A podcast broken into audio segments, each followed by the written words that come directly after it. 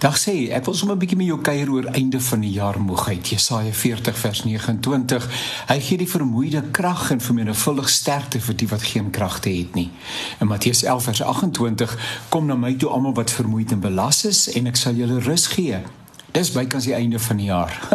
Baie mense voel uitputting aan eie lyf.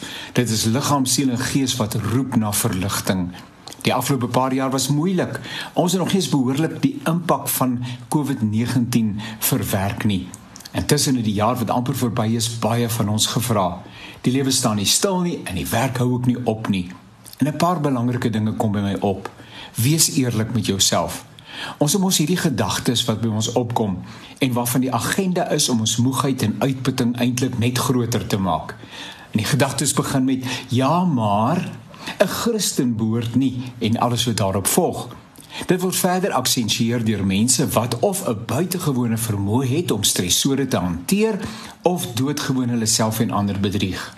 Christene mag nie, mag nie moeg, bang, kragteloos, moedeloos, soekend en vraend wees nie iets kort in jou verhouding met die Here word gesê. Jy moet self ondersoek doen wat in sigself nie 'n slegte oefening is nie, maar meermale die gevoel van verslaandheid aksensieer. Wanneer laas het jy net aan jouself gevat en in die spieël gekyk? Wanneer laas het jy teen jouself erken ek is net 'n mens? Ek is nie 'n supermens, 'n robot of 'n masjien nie. Ek het net soveel om te gee en dan is dit klaar en dan moet dit aangevul word. Welkom by die mensheid. God verstaan ons moegheid en weet hoe om ons te verkoop sonder om die stryd en die swaar kry nog erger te maak. Daarbenewens natuurlik, hê empatie met mense rondom jou wat nie dieselfde stamina en uithou het as wat jy het nie. Gun ander rus, ondersteun met begrip, fasiliteer verkokings van liggaam, siel en gees. Kyk na die kinders, nooi vir ete, sny die gras doen hulle inkopies, maak 'n afspraak by die dokter, loer in om te hoor hoe dit gaan. Mense verskil en die feit dat jy kan aangaan beteken nie dat dit ook vir ander moet geld nie. Uiteraard is dit belangrik om oor jou prioriteite te herbesin. Waarmee is jy besig en waarom is jy daarmee besig? En wat sal gebeur as jy dit los? In watter mate bepaal jou werk en jou besig wees jou identiteit? Wie is jy sonder daai dinge wat soveel tyd en aandag van jou verg?